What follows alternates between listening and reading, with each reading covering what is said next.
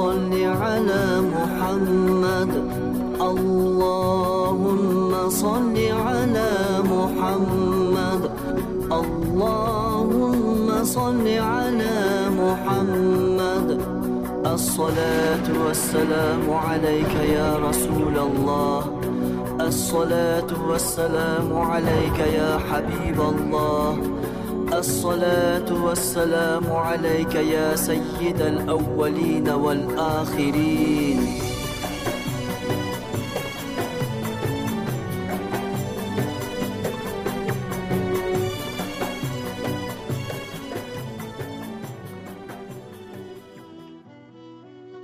رسالة نور جناغنان باورلاستق سره ұсынылып отырған бұл кітапша 19 ғасырдың соңы 20 ғасырдың басында өмір сүрген ислам ғұламасы заман саид нұрсидің рисали нұр шығармаларынан алынған.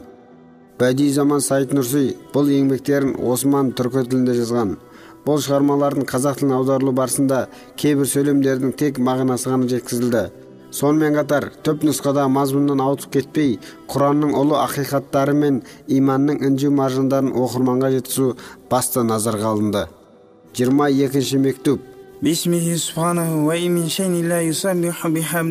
бұл кітап екі бөлімнен тұрады. Бірінші бөлім мұсылмандарды бауырластыққа сыйластыққа шақырады. Бірінші бөлім. Бисмиллахи рахманир рахим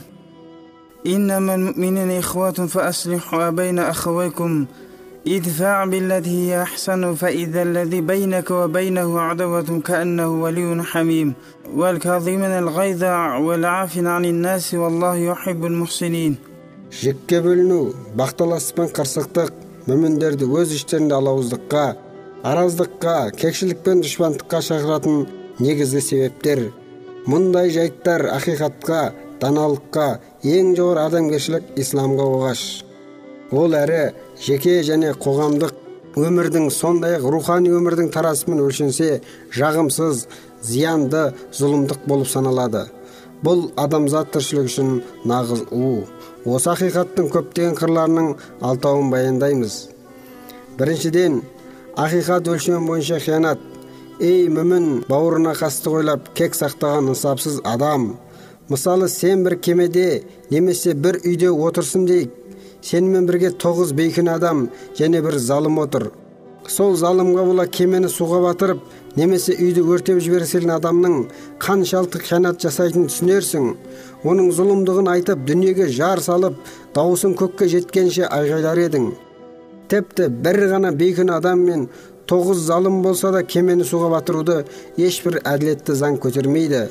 Сол сияқты раббани бір үй және иллахи бір кеме болып табылатын мүмин бауырыңның бойындағы иман мұсылманшылық көршілік сияқты тоғыз емес жиырма бейкүнә қасиетін ескермей өзіңе зиян тиген немесе ұнамаған бір ғана қасиетіне оған кек сақтап жауыздық жасап рухани үй тәрізді денесін моральдық жағынан өртеп суға батырып тоз тоз етуге әрекеттенсең немесе соны тілесең бұл әрекетің мысалда айтылғандай аяусыз зұлымдық болып саналады.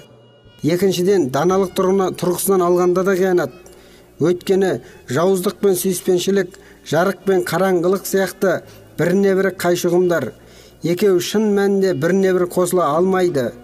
Егер басым себептермен жүрекке сүйіспеншілік ұяласа өшпенділікке орын қалмайды. Өшпенділік жанашырлыққа айналады. Мүмин адам бауырын жақсы көреді және жақсы көруі тиіс.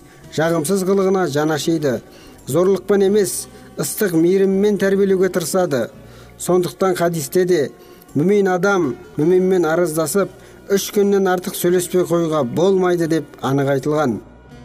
Егер дұшпандыққа итермелейтін себеп көбейіп бір адамның жүрегіне шынымен өшпенділік ұяласа сүйіспеншілік шынайы бола алмайды. Жасанды және жарамсақ бейнеген еді. Ей ынсапсыз адам мүмин бауырыңа кек сақтап қастық ойлауың қандай қиянат екеніне назар аудар.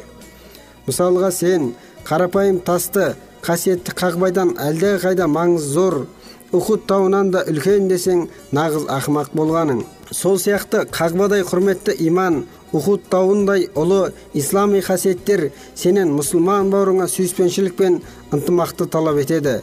Солай бола тұра мүминге қарсы дұшпандық тудыратын қарапайым майда тастар секілді кейбір қателіктерді имам мен исламнан артық көру барып тұрған ынсапсыздық ақымақтық нағыз зұлымдық екен ақылың болса түсінерсің. Имандағы бірлік жүректердің бірлігін қалайды сенімдегі бірлік те қоғамдық бірлікті талап етеді. Сен бір кісімен әскери бөлімшеде бірге жүрсең онымен достық қатынаста боласың. Бір қолбасшының қарамағында болғандықтан дос сезініп жақын тартасың. Сондай ақ бір мемлекетте тұрғандықтан бауырың секілді қарым қатынаста болуды ойлайсың. Солай емес пе? Шын мәнінде иманның нұры мен зерделілігі арқылы білдіріліп көрсетілген илахи есімдердің санындай байланыс пен қарым қатынасқа ынтымақ пен бірлікке және бауырмалдыққа итермелейтін көптеген себептер бар. Мысалыға екеуіңіздің де қалихыңыз бір маликіңіз бір мағбудыңыз бір разықыңыз бір бір мыңдаған ортақ нәрселер бар. Сондай ақ пайғамбарларыңыз бір діндеріңіз бір құбылаңыз бір бір жүздеген нәрсе бір жерге түйістіреді. Ауылдарың бір елдерің бір отандарың бір. Бір ондаған мәселе бірлестіріп тұр. Осыншама бірліктер бірлесу мен бірігуді ауызбіршілік пен ұйымшылдықты сүйіспеншілік пен бауырмалдықты талап етеді. Бүкіл әлем мен планеталарды бір біріне байлай алатындай мықты рухани шынжырлар бола тұра алауыздық пен араздыққа қастық пен жауыздыққа итермелейтін өрмекшінің жібіндей түкке тұрғысыз тұрақсыз нәрселердің жетегінде кетіп мүмин бауырларға шынымен қастық жасап кек сақтау әлгіндей ортақ байланыстарға қарсы опасыздық болар еді. Нағыз сүйіспеншілік тудыратын нәрселерге мән бермеу достық бауырмалдық қарым қатынастар қарсы қиянат зұлымдық екендігін жүрегің қарайып санаң сөнбеген болса түсінерсің. Қастық қылып кек сақтау үлкен зұлымдық. Үшіншіден нағыз әділдікті көрсететін. Аятының мағынасына орай бір мүміннің бойындағы нашар бір қасиетіне бола басқа жазықсыз қасиеттерін қоса айыптау болып саналатын қастық қылып кек сақтау үлкен зұлымдық. Аятының екпін түсіре ескертуі бір мүміннің бір ғана жағымсыз қасиетін өкпелеп оның туыстарымен де өштесу орасан зор зұлымдық екендігін білдіреді. Ислам даналығы бұлай деп тұрғанда сен қалай ғана менікі дұрыс менің құқым бар дей аласың. Шын мәнінде жауыздық пен өшпенділікке апаратын жағымсыз қылықтар қара ниеттей қараңғы топырақтан да күңгірт. Ол басқа біреуге көлеңкесін түсіріп әсер етпеуі керек. Егер басқа біреу одан үйреніп алып жамандық жасаса ол басқа мәселе. Сүйіспеншілікке дәнекер болатын қайырымды істер махаббаттай жарқын нұр басқаларға шағылысып айналасына нұр шашуы мақтанарлық қасиет. Сондықтан досымның досы маған да дос сөзі елге өнеге боп досымның көңілі үшін дос көңілдің бәрі дос сөзі ел аузында кең тараған. Ей ынсапсыз адам ақиқат осылай бола тұра.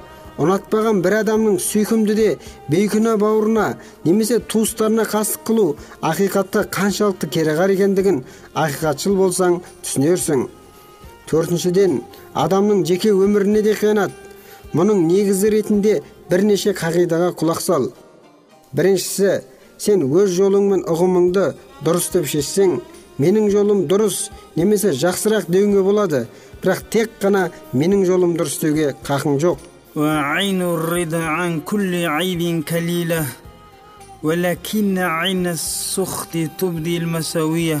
Сыры бойынша ынсапсыз көзқарасың мен таяз пікірің төреші бола алмайды. Басқаның жолын теріс деп айыптай алмайсың. Екінші қағида әрбір айтқан сөзің шындық болсын. Бірақ әрбір шындықты айтуға сенің қақың жоқ. Әрбір сөзің дұрыс болуы керек. Бірақ әрбір дұрысты айтуың дұрыс емес дегенді әсте ұмытпа. Өйткені сен сияқты ниеті таза емес адамның насихаты кейде ашуға тиеді кері әсер етеді. Үшінші қағида.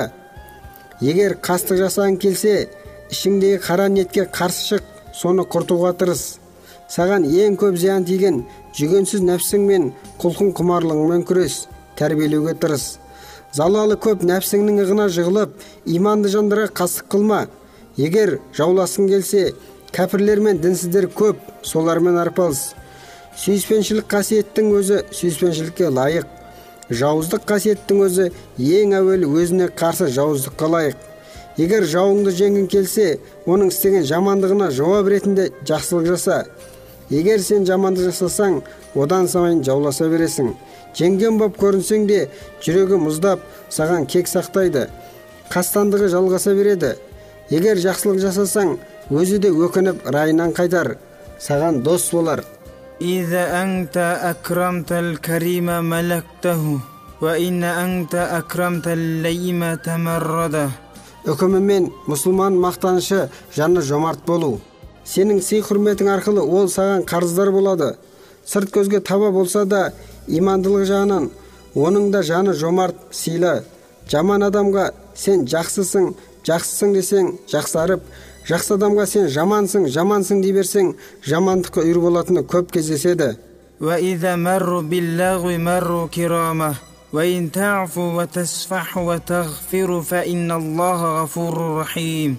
Дегендей құранның қасиетті қағидаларына құлақ сал бақыт пен саламат сонда. Төртінші қағида кекшіл залым адам әуел өзіне одан кейін мұсылман бауырына һәм аллахтың рахымдылығына қиянат жасайды өшпенділік қылады. Өйткені кекшілдігі мен өшпенділігі оның өзін азапқа салады. Жауына берілген нығметтердің қызғанышы мен қорқынышы жанын жегідей жеп өзіне өзі қастық жасайды. Егер дұшпандық іштарлықтан болса нағыз қорлыққа айналады. Өйткені қызғаныш сезімі ең әуел іші тар адамның өзін күйдіреді қорлайды бақталасына тигізер зияны аз немесе мүлде жоқ. Іштарлықтан құтылудың шарасы іші тар адам бір нәрсені қызғанған кезде қызғанған нәрсенің келешегін яғни нәтижесін ойласын. Таласып тармасып жүрген дүниеви сұлулықтар мен күш қуат атақ даңқ пен байлықтың уақытша жалған екенін білсін. Пайдасы аз машақаты көп екенін ойласын. Егер ақыретке тән қасиеттер болса оған таласудың қажеті жоқ. Егер солар үшін де іштарлық жасаса я өзі рияшыл ақырет байлығын дүниеде таптағысы келеді я бақталасын рияшыл деп ойлайды қиянат жасайды. Сондай ақ оның басына келген қиыншылықтарға қуанып табалайды жетістіктеріне іші күйіп өкінеді. Оған жасалған жақсылықтарды көре алмай аллахтың рахымдылығына оның жазған тағдырына ренжіген болады. Тағдырды сынап мінеген адам басын тауға да тасқа да соғады. Рахымдылыққа наразы болған адам одан өзі де махрұм қалады. Апырмай бір күндік араздыққа тұрмайтын нәрсеге бір жыл бойы жауласып кек сақтау қандай әділдікке сияды?